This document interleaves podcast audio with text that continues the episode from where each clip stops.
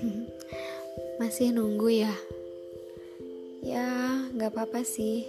Walaupun kadang nunggu itu tidak menyenangkan, tapi kita nggak bisa memungkiri kalau menunggu itu juga buat candu. Ya nggak sih? Oke, balik lagi bareng aku di podcast Lengkung Sabit yang bersinar di kala senang dan sendu, yang berjaga di waktu langit mengadu.